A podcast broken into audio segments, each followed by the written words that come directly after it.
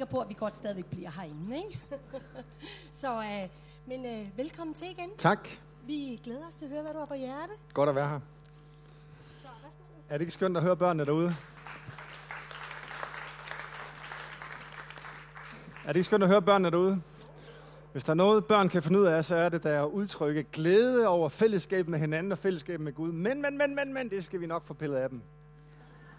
Så de kan komme herind og sidde stille og rolige og andægtige og se alvorlige ud. Eller, eller ved du hvad, der er en, der har sagt sådan her, vi, vi bliver ikke gamle, eller vi holder ikke op med at lege, fordi vi bliver gamle. Vi bliver gamle, fordi vi holder op med at lege. Hvor er det skønt at høre børnene derude. Hvor er det godt at se jer. Hvor er det dejligt at se glæden i jeres øjne. Og livet og fællesskab. Der er ikke noget så skønt som kirke, som jo handler om liv. Vi er sammen, fordi en er død, for at vi kunne få liv. En er gået forud for os gennem døden og opstandelsen, for at vi kunne få opstandelsesliv. For at vi kunne få evigt liv, for at vi kunne få sejr ind over vores liv, for at vi kunne have håb og glæde og tro og noget at leve for. Er det ikke fantastisk? Jeg siger dig, glæde, glæde skulle være noget af det mest definerende for kirke. Er det ikke sandt? Det er vi fire herinde, der synes, men øh, det, det kan jo det kan jo blive anderledes hen ad vejen. Hvor er det godt at være her. Det, ja, som sagt øh, er det vist blevet sagt, at vi, vi flytter her til min familie og jeg efter sommerferien, hvor jeg skal være præst og se, om jeg kan fylde Jørgen Mortens sko. Han sidder derinde i, øh, i børnerummet og har sin egen fest derinde. Hej Jørgen. Og øh, jeg har så stor respekt for Jørgen. Jørgen har, jeg plejer at sige, at Jørgen har opfundet mig. Øh, jeg, stod, jeg stod i Valby, øh, uden for Valby Medborghus, hvor Jørgen havde plantet kigger der tilbage i 93. Og øh, på en eller anden måde, så så Jørgen et eller andet, jeg, fik, jeg kunne ikke selv se det. Det tog en del år for mig at få øje på, at Gud faktisk havde lagt sin hånd på mit liv. Og da Jørgen første gang sagde, Jacob, skal du ikke være præst? Der sagde jeg, det skal jeg lige tænke over. Og så sagde jeg til Jeanette, øh, nu flygter vi ud af landet. Uh, vi sagde til menigheden, at vi tog på 6 måneders overlov, så kom vi tilbage, og uh, vi sagde til hinanden, at vi kommer aldrig tilbage. Jeg skal ikke være præst. Jeg skal overhovedet ikke være præst. Jeg ved godt, hvad det vil sige at være præst. Det skal jeg ikke have noget med at gøre.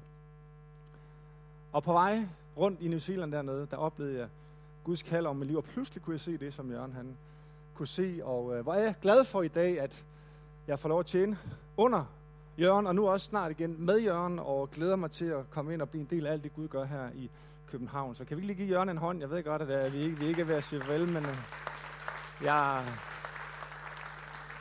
jeg, har, jeg har så stor respekt for det, som Jørgen og Alice og familien og, har gjort, og også stadig vi skal gøre.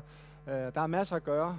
Vi får, Jørgen får ikke lov at gå på pension forløbig. Øh, også selvom man et eller andet sted teknisk skal på pension, så skal vi nok holde fast i ham. Er det ikke sandt? Der er så meget i den mand endnu. Der er så meget liv.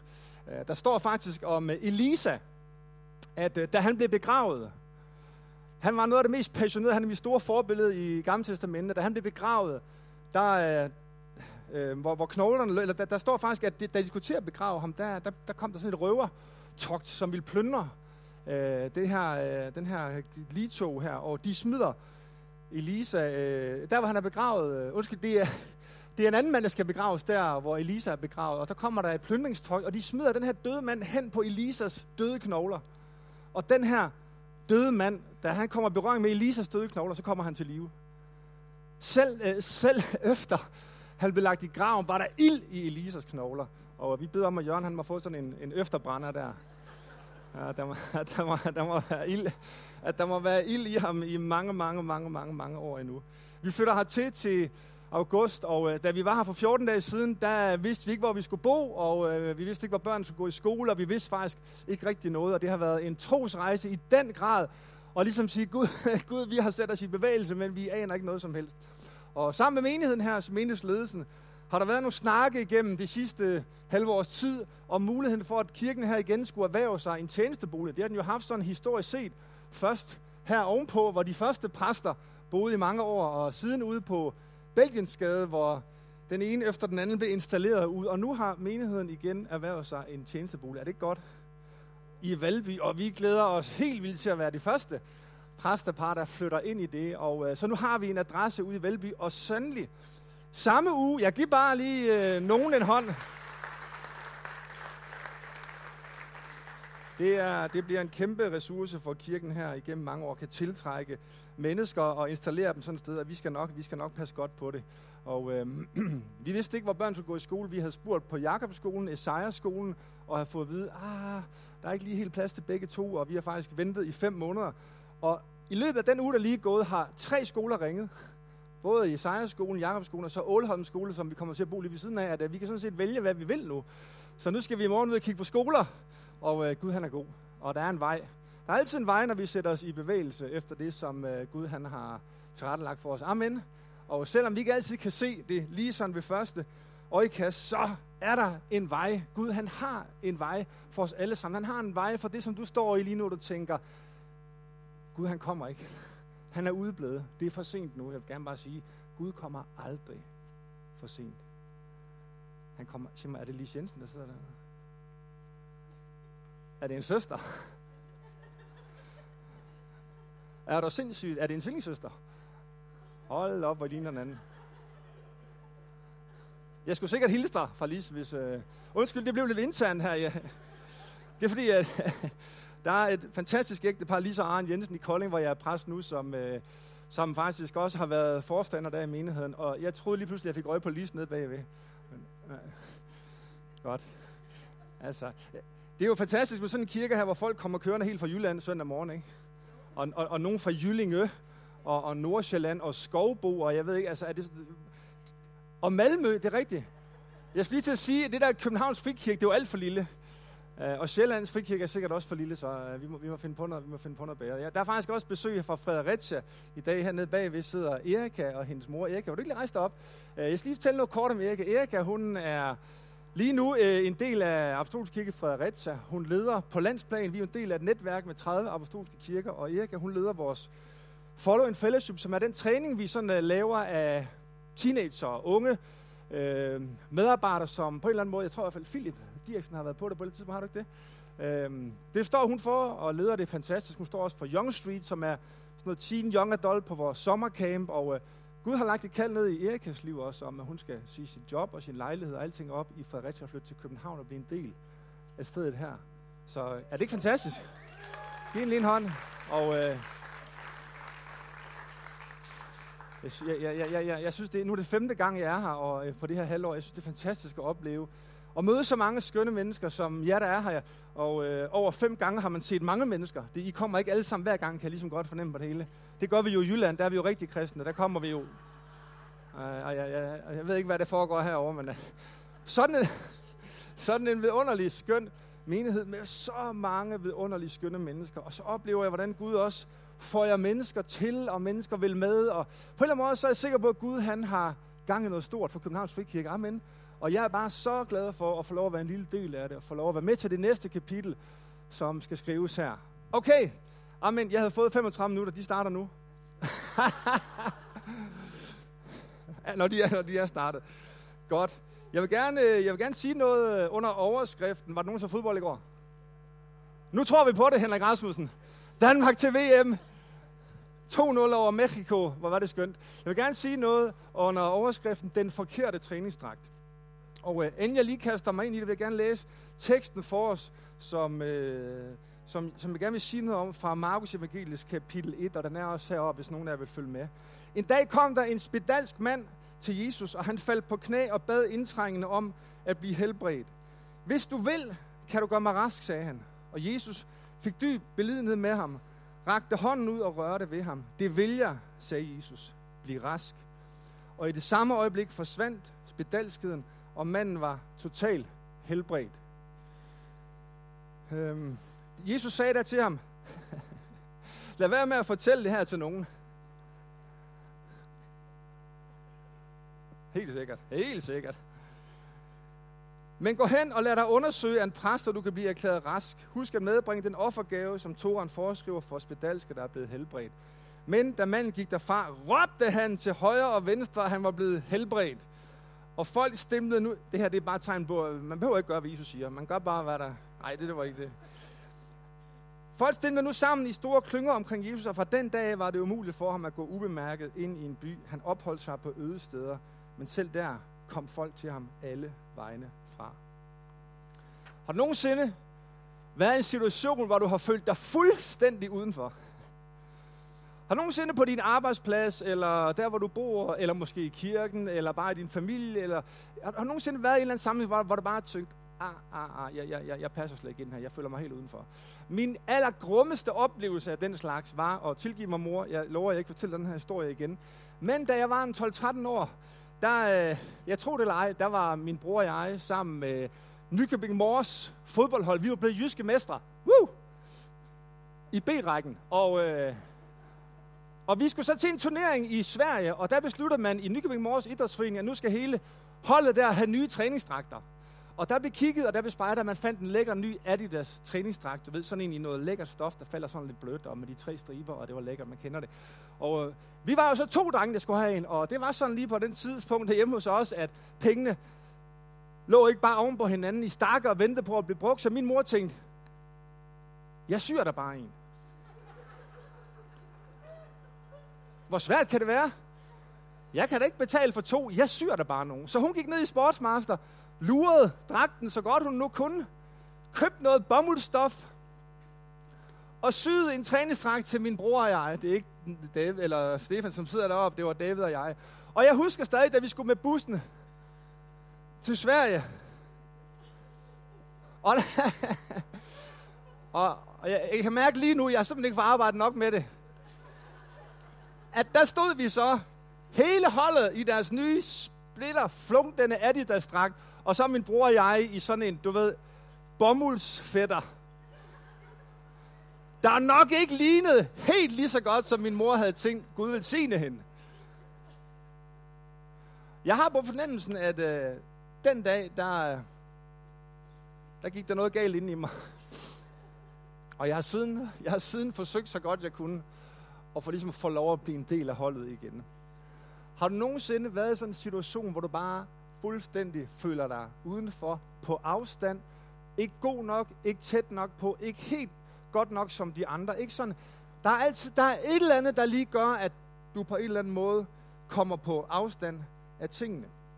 Og det kan ligge dybt i os alle sammen, at vi egentlig gerne vil være accepteret. Vi vil gerne høre til. Vi vil gerne være en del af holdet. Vi vil gerne være en del af noget større, som DBU jo så smukt har skrevet på landsholdet, så trøjer sammen om noget større. Jeg synes, det er underligt at tænke på, at vi kan være sammen om noget større som land, men også som kirke og som menneske. Det læme, som Jakob taler om her i nedberetningen, at vi er en del af noget større, og faktisk passer ind. Det er jo en del af den bibelske fortælling, at vi faktisk passer ind. Vi passer ind i en større historie, i et større billede, men hvor kan vi dog føle os udenfor nogle gange? På mange måder opdeler vi jo hinanden i vores tid i forskellige politiske og religiøse og kulturelle og etniske lag, og på en eller anden måde kan der nemt blive sådan en oplevelse af, at nogen er indenfor, og nogen er udenfor. Og vi har aldrig været så tæt på hinanden, som vi er i dag via de sociale medier. Hvor mange så, at jeg var på vej til København i morges? Okay, der er to. Jeg må have nogle flere venner på Facebook. Tre. Det, den er I simpelthen ikke kommet på, den der sociale mediebølge. Nej, nej, det er godt. Fint. Uh, vi har aldrig været så tæt på hinanden, og alligevel så langt fra hinanden. Ensomhed og isolation er en af de største samfundsproblematikker, vi har. Jeg talte med nogen fra Blå Kors for nylig. Man bruger faktisk begrebet i dag funktionel ensomhed. Det er, man taler om rige mennesker, som bor i en lejlighed, har alt, der er masser på kontoen, men de sover på herberg. Fordi de er, de er i princippet, de er funktionelle ensomme, de har ikke relationer, de føler sig ikke udenfor, der er ikke et sted at høre til. Der er ikke et sted at være en del af det. De kigger ned af sig selv og får øje på den der virkelig kiksede træningsdragt. Og tænker, på en eller anden måde passer jeg ikke ind. Jeg har det hele, jeg kan købe det hele, men jeg passer ikke ind. I den her historie, som jeg gerne bare vil sige lidt kort om her i... Øh, den er der lige ved at vælte, den her. Det er lige før, den får en nedtur her. Jeg har slet ikke så mange muskler som dig. I centrum her, i den her beretning, jeg ved ikke, om I kan se noget derovre. Det kan I. Der har vi Jesus. Han er jo et centrum af enhver beretning i Bibelen. Er det sandt? Det prøver jeg at sige noget om sidste gang. Hele Bibelen har til formål at åbenbare for os, hvem Jesus han er. Vi kan læse alt muligt andet ind i teksten, men det handler alt sammen om Jesus. Han er begyndelsen og enden, og han er alt det midt imellem.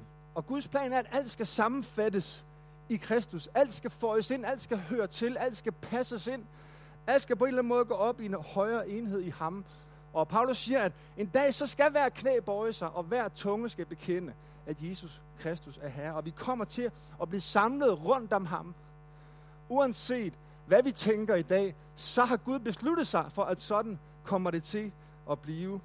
Og enhver forhindring, som gør, at vi kan føle os på afstand af Gud eller på afstand af hinanden, vil blive fjernet, vil blive elimineret, så vi kan have fred med Gud, fred med hinanden, så vi kan få byttet den der træningsdragt ud med den rigtige, og få en oplevelse af, at vi rent faktisk hører til. Det er Guds plan. Og her kommer så en spedalsk mand. Og jeg ved ikke, hvor meget du ved om spedalskhed. Jeg ved ikke særlig meget. Men jeg ved, at i 3. Mosebog, der beskriver Moseloven nogle regler for, hvad man skulle håndtere, når man var spedalsk, her den her smitsomme hudsygdom. Og forskrifterne er egentlig, at man skal holde sig uden for byen. Man skal være isoleret, man skal være på afstand, man kan ikke længere være en del af fællesskabet.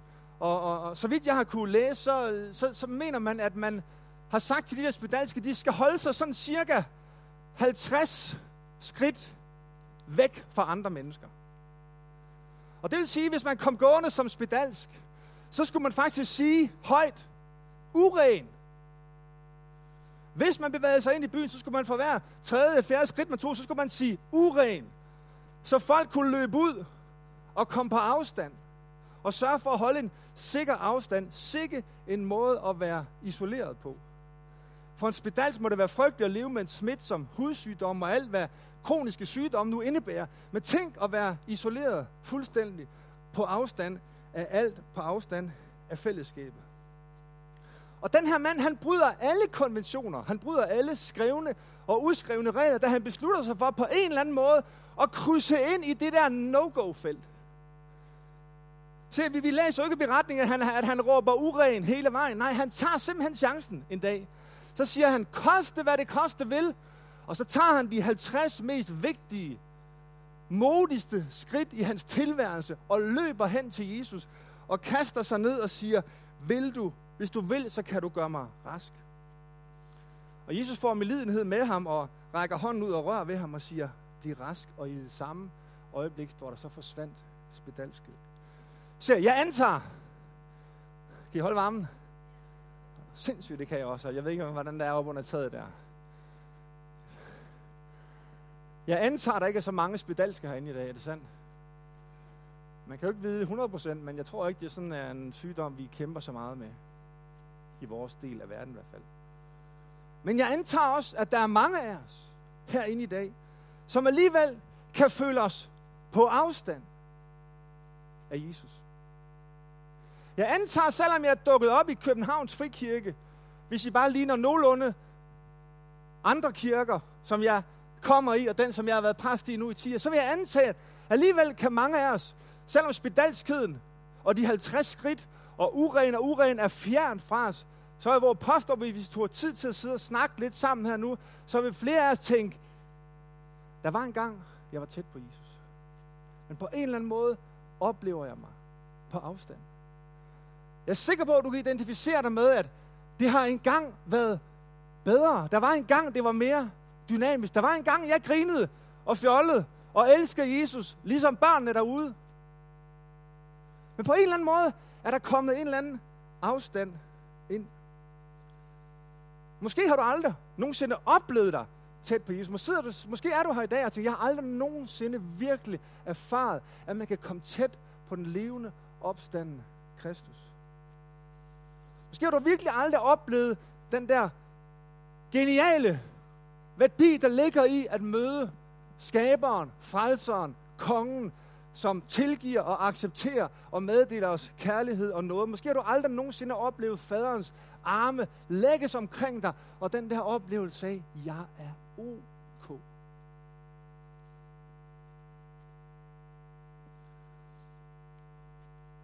Måske har du haft sådan en oplevelse.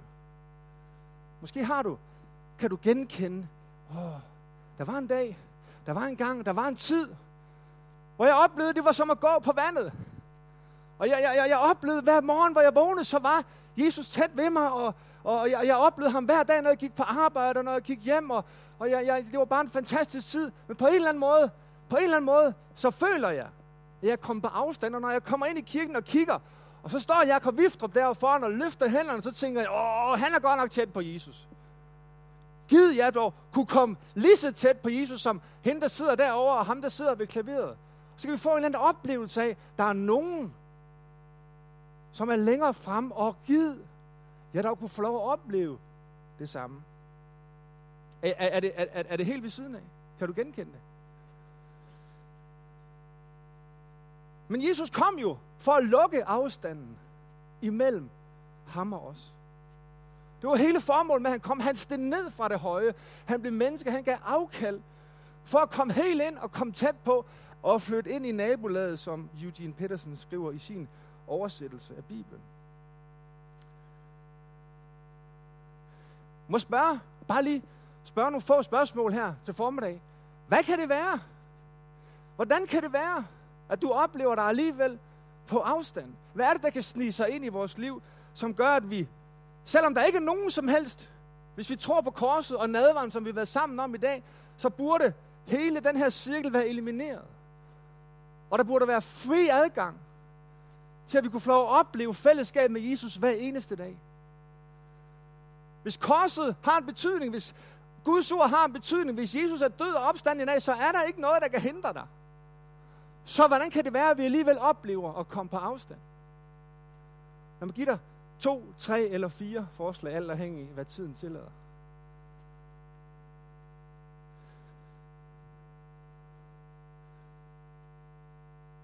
Synd. Jakob, hvis du vidste, hvad jeg kæmpede med. Hvis du vidste, hvad jeg kæmper med. Hvis du vidste, hvad jeg har kæmpet med nu i år, overvis, så vil du forstå, hvorfor jeg både føler mig på afstand og holder mig på afstand. Jeg kan da ikke komme tæt på. Jeg kan da ikke bare løbe hen og være sammen med Jesus. Jeg kan da ikke bare løfte hænderne om søndagen og opleve fællesskabet med Gud, hvis du vidste, hvad jeg bærer rundt på. Hvis du vidste, hvad jeg gjorde i går, og hvad jeg sikkert kommer til at gøre i morgen. I Johannes 4 læser vi en beretning om Jesus, som tager ud til en brand ved middagstid.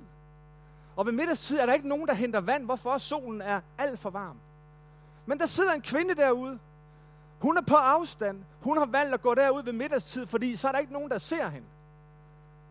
Hun kigger ned af sig selv og får øje på den der bomuldsyde træningsdragt og tænker, jeg skal ikke være herude sammen med alle de andre. Og på den står der synd. Og Jesus afslører hende i det og siger, ja, du har haft fem mænd, før ham du bor med nu, og ham du bor med nu er ikke din mand. Der sad hun. Men Jesus var ikke bange for hendes synd. Han kom for at tilgive synd. Han tilbød hende det levende vand, og han tilbød hende accept og noget. Og der skete jo det, hvis du kender beretningen, at inden samtalen var over, havde hun taget bomuldsdragten af og var styrtet ind i byen for at fortælle de andre, hende som før var på afstand, hende som før stod herude, kvinden ved brønden, stormede nu ind i centrum af byen, fordi hun oplevede, at synden var ikke længere noget, der skulle adskille hende fra fællesskabet, hverken med mennesker eller med Gud. Jeg vil gerne sige til dig, her til morgen, mens vi sveder herinde, og børnene hygger sig derude, og vi venter på en pølse. Og se nu at blive færdig, Jakob. Jesus er kommet for at tilgive din og min synd. Både det, som vi har gjort, det, som vi kommer til at gøre, og det, som vi ikke engang ved, vi kommer til at gøre. Han døde for din synd. Nadvaren bliver ligegyldig, hvis synden alligevel kommer til at adskille dig fra fællesskabet med ham. Så er hans død og opstandelse forgæves, og Paulus han forklarer det sådan her i Kolossenserbrevet, han siger, det er anklagende gældsbrev, der var al din synd og alle dine fejl og alt det, som du ved, som jeg ikke ved, det tog han, og så navlede han det til korset. Det blev slettet, det blev annulleret. Det blev ikke lagt i arkiv hos Jørgen Mortensen. Det er ikke sådan, at Jørgen, når han engang skal på pension, sætter sig ind og kigger i arkiverne og tænker, hold da fast, mand, Kendolva. Hvis jeg bare havde vidst... Nej, det er så bare for sjov. Jeg kender ikke dit register. det findes ikke. Det findes ikke, det er annulleret, det er slettet, og alligevel er det som om, vi hiver det op foran os selv. Og, og satan hiver det op foran os selv, og få os til at få en oplevelse af, uanset hvor tit vi kommer her, hvor højt vi løfter hænderne, at vi alligevel er kommet på afstand, og fjenden er kommet for at stjæle og ødelægge. Han kommer for at stjæle din frimodighed, stjæle den glæde og den nåde og den kærlighed og den accept, som Jesus døde for, at vi skulle få lov at opleve. Åh, siger forfatteren til Hebræerbrevet. Lad os da kaste alt det bort, som tynger os, og synden, som så let griber fat i os, og får os til at snuble, og får os til at stille os ud på kanten. Lad os nu ret blikket fremad mod Jesus, som vores tro skal bygge på, først til sidst. Amen. Hvad skal din tro bygge på, først til sidst? Jesus. Hvad skal din tro bygge på, først til sidst? Hvordan kan det være, at du så render rundt og tror, at din tro skal bygge på din evne til at overvinde din synd? Hvordan kan det være, at blikket bliver på synden og ikke på Jesus? Hvordan kan det være, at vi tænker, det er også rigtigt, Jacob, det er en god prædiken, det der. Nu skal jeg også holde op med det der. I dag, når jeg går ud herfra, så holder jeg op. Hvor er dit blik henne? På synden. Jeg var engang ude og sejle sådan noget water rafting. Whitewater rafting. Nogle af jer prøvede det ned af bakkerne i Nepal. Eller det var nok lidt mere bjerge, end det var bakker. Og øhm, da vi skulle ud på turen, der fik vi en instruktion af en instruktør. Han sagde, hvis I falder ned lige der, hvor de der whitewaters er, så kan man risikere at falde ned i det, vi kalder en vaskemaskine. Og det er simpelthen sådan et hul, hvor vandet bare kører rundt og rundt og rundt. Lander I dernede, det eneste, I ikke må gøre, det er at kæmpe for at komme op. Jo mere du kæmper for at komme op, jo mere kommer du ned. Nej, nej, nej, det du skal gøre, det er, rulle dig sammen som en kugle. Hold dig helt stille. Og så vil den der vaskemaskine kaste dig ud på et eller andet tidspunkt. Vi, vi nåede aldrig så langt, amen. Jeg har ikke testet det her af i praksis. Men hvor har jeg tit kæmpet med synden? Hvor har jeg tit tænkt, åh Gud, nu får jeg styr på det der. Fordi du kan da ikke have med mig at gøre, hvis jeg bliver ved med det der. Og den eneste vej tilbage til Jesus, det er, at vi løfter vores blik fra ham. Drop alt det der fokus på det, du ikke formår. Drop alt det der fokus på den kamp, du har. Jeg kan også sige dig, i hænderne på Jesus, krøllet sammen som en kugle i hans arme. Jeg siger dig, der er kraft til at forvandle den der synd på en måde, som du aldrig nogensinde selv kan mande dig op til. Åh, du må ikke gå her i dag men oplevelse af at være på afstand, fordi der er noget, du kæmper med i dit liv. Hvad mere? Skam. Kan I huske beretningen om Zacchaeus? Tolleren, den lille grimme toller. Øh, det siger jeg kun om toller, fordi jeg selv er en. Jeg er uddannet i tollerskat i gamle dage. Jeg tjekker selvangivelse bagefter, hvis der er nogen, der... Han var en snyder og en bedrager, og da Jesus kom til Jericho, stemlede de alle sammen sammen for at se Jesus på nær Zacchaeus. Han skammede sig. Og han kravlede op i et træ og tænkte, jeg skjuler mig. Jeg tør ikke være en del af det. Han kiggede ned af sig og fik øje på den der grimme bomuldsfætter af en træningstræk. Og tænkte, jeg kan da ikke stille mig hen sammen med de andre. Og han kravlede op i træet og håbede, at ingen ville få øje på skammen. Og Jesus træder hen, og folk er stimlet sammen foran ham. Og han kigger op. Henrik, Sara og alle de andre der Zacchaeus, kom nu ned fra det træ. Kom nu ned fra det træ, fordi i dag så vil jeg spise måltid med dig. Og du ved sikkert, bedre end jeg, og kan stave det bagfra, men at spise et måltid sammen med en, særligt i den her kultur, jeg tror faktisk også i vores kultur i dag, det er lige med fuldkommen accept. At sætte sig ned og spise et måltid mad, som Jesus gjorde, betød fuldkommen accept af Zacchaeus. Og der var oprør i byen over, at Jesus valgte at sidde med sådan et menneske. Men Zacchaeus oplevede under det måltid, han oplevede den accept, han tænkte, sidder Jesus, ham som vi alle sammen fortæller om, ham som helbreder, ham som læger, ham som giver håb, ham som er fuld af kærlighed og noget, sidder han virkelig ved mit bord og spiser. Og et eller andet smelter ind i Zacchaeus i løbet af det måltid. Han rejser sig op og siger, slår på glasset og siger, jeg, jeg, jeg vil gerne betale helt tilbage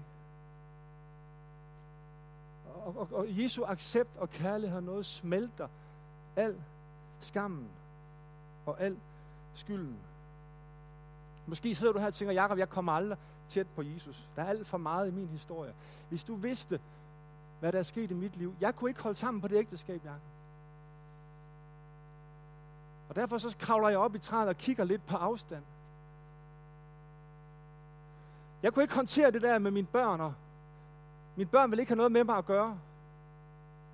Jeg, jeg, jeg er nødt til at kravle op i træet. Jeg er nødt til at holde mig herude.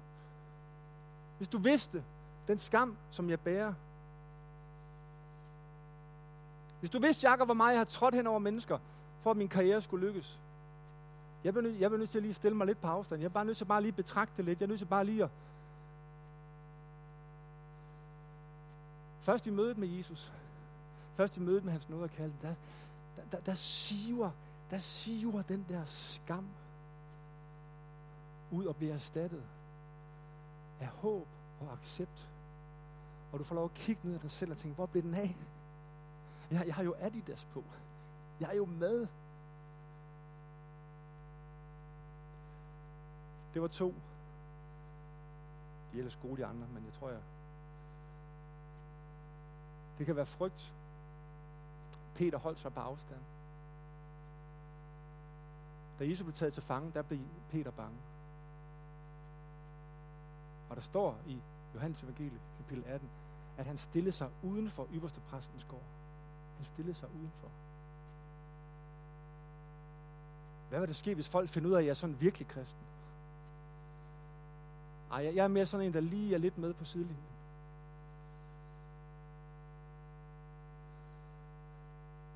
Skuffelse. De to disciple efter Jesus er død og begravet, som vandrer på vejen til Emmaus, skuffet. Måske er du skuffet, måske har du brændt dig på tro, brændt dig på kirke, brændt dig på alle de ting. Ved du hvad? Jeg har fået nok. Jeg har set nok. Jeg ved godt, hvad det er for noget. Jeg stiller mig lige lidt herude. Jeg holder mig lige lidt på afstand. Jeg skal ikke for tæt på det der. Hvis det er sådan, det er at være kirke, hvis det er sådan, relationer i kirke er, hvis det er sådan, det er med, så stiller jeg mig lige her.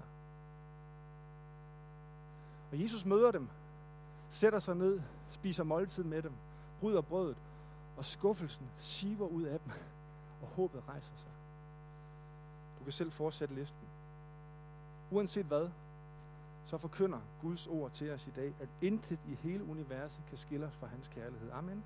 Hverken engle eller åndsmagter, det som eksisterer nu, eller det som vil komme i fremtiden, hverken himmelrummets eller havdybets kræfter. Nej, indsæt i livet skulle der stå. End ikke døden kan rive os ud af den kærlighed, som Gud har vist os gennem Jesus Kristus. Amen. Der, der, der, der findes ikke noget som helst, og listen, vi kunne jo blive ved, men vi skal jo også til at stoppe. Uanset hvilken begrundelse du vil give mig i dag, Jacob, der er en grund til, at jeg er på afstand. Jeg vil gerne sige, den grund kan være legitim, den kan gøre ondt, den kan være virkelig nok for dig. Men jeg vil ikke gerne sige, først når du kommer tilbage til ham og overgiver dig til ham og oplever hans nåde og kærlighed, så vil alle de der argumenter, du har, forsvinde. Så længe du stiller dig herude, så lever de i bedste velkomne, men i armene på Jesus. Oh.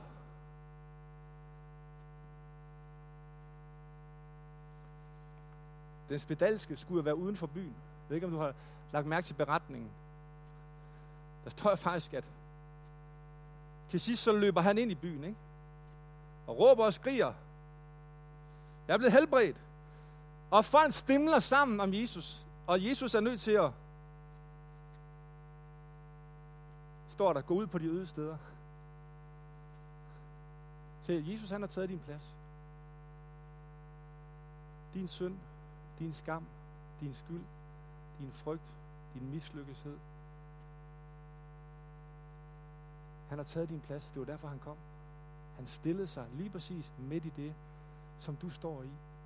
For at du kunne komme ind og opleve fællesskab med mennesker, blive en del af sådan et fællesskab her. Kirken er kaldet til at være det lys i den her verden, som ligger krop til og er det fællesskab, som med hænder og fødder viser den accept af alle mennesker. Amen. Det er kirkens formål.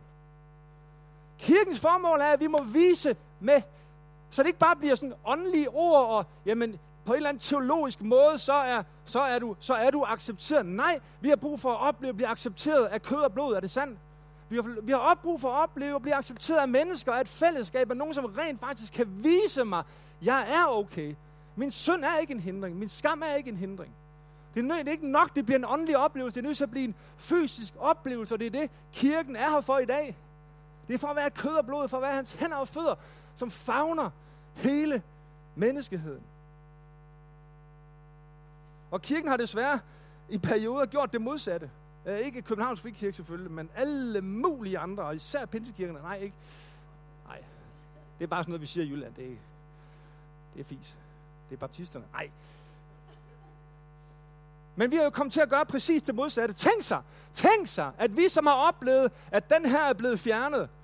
I kirkehistorien har vi stillet os herinde som kirke, og så har vi ellers tegnet cirkler og fortalt, hvem der var indenfor og hvem der var udenfor. Jamen, det startede jo allerede på Jesu tid. I Lukas 15 læser vi en beretning, jeg vil være færdig, Annette.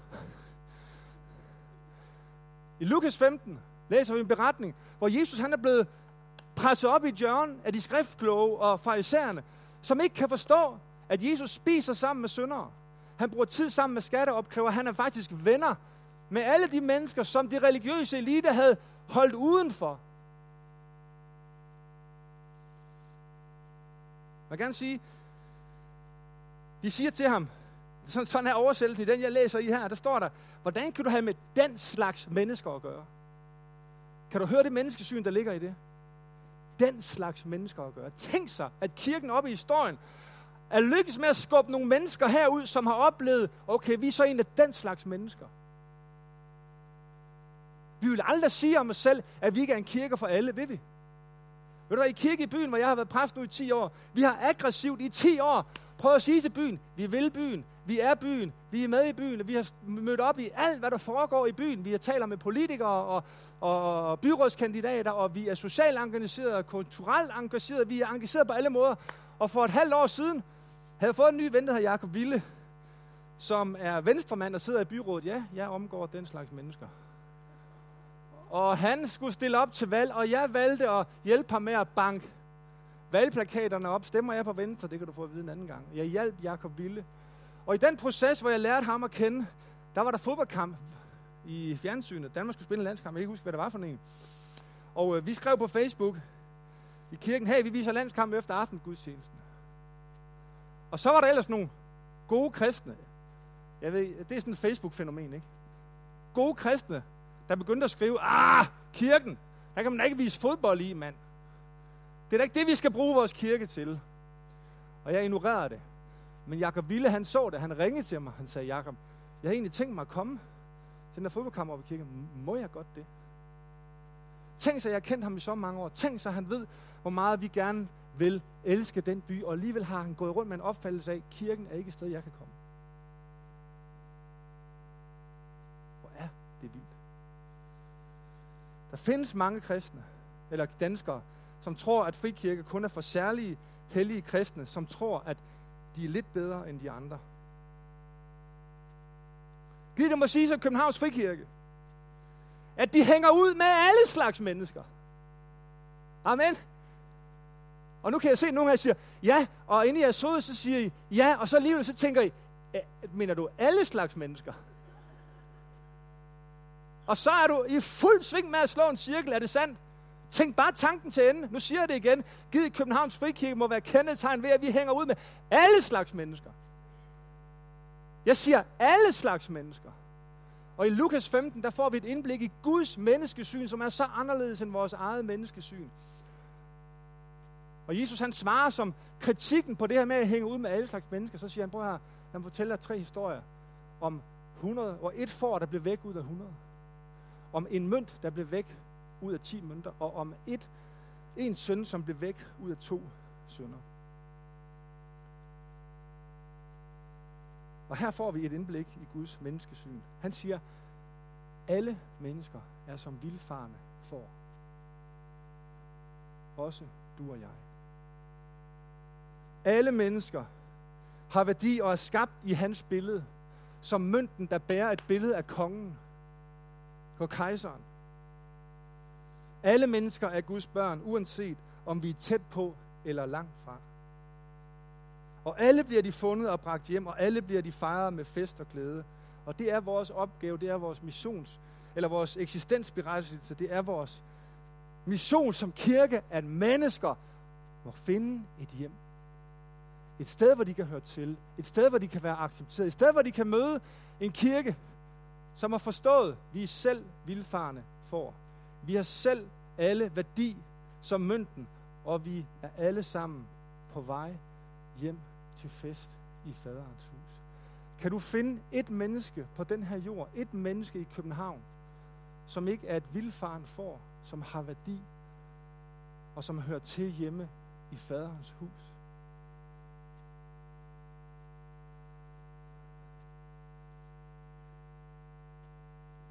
Amen.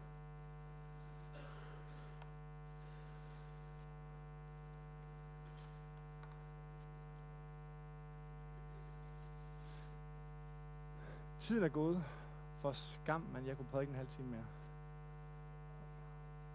Men jeg kommer igen en anden dag. Og jeg skal nok lære at holde mig på de der 35 minutter. Kan vi bare rejse os op til sidst? Prøv lige her. Jeg må gerne sige til dig. Gå ikke hjem på afstand. Gå ikke hjem på afstand.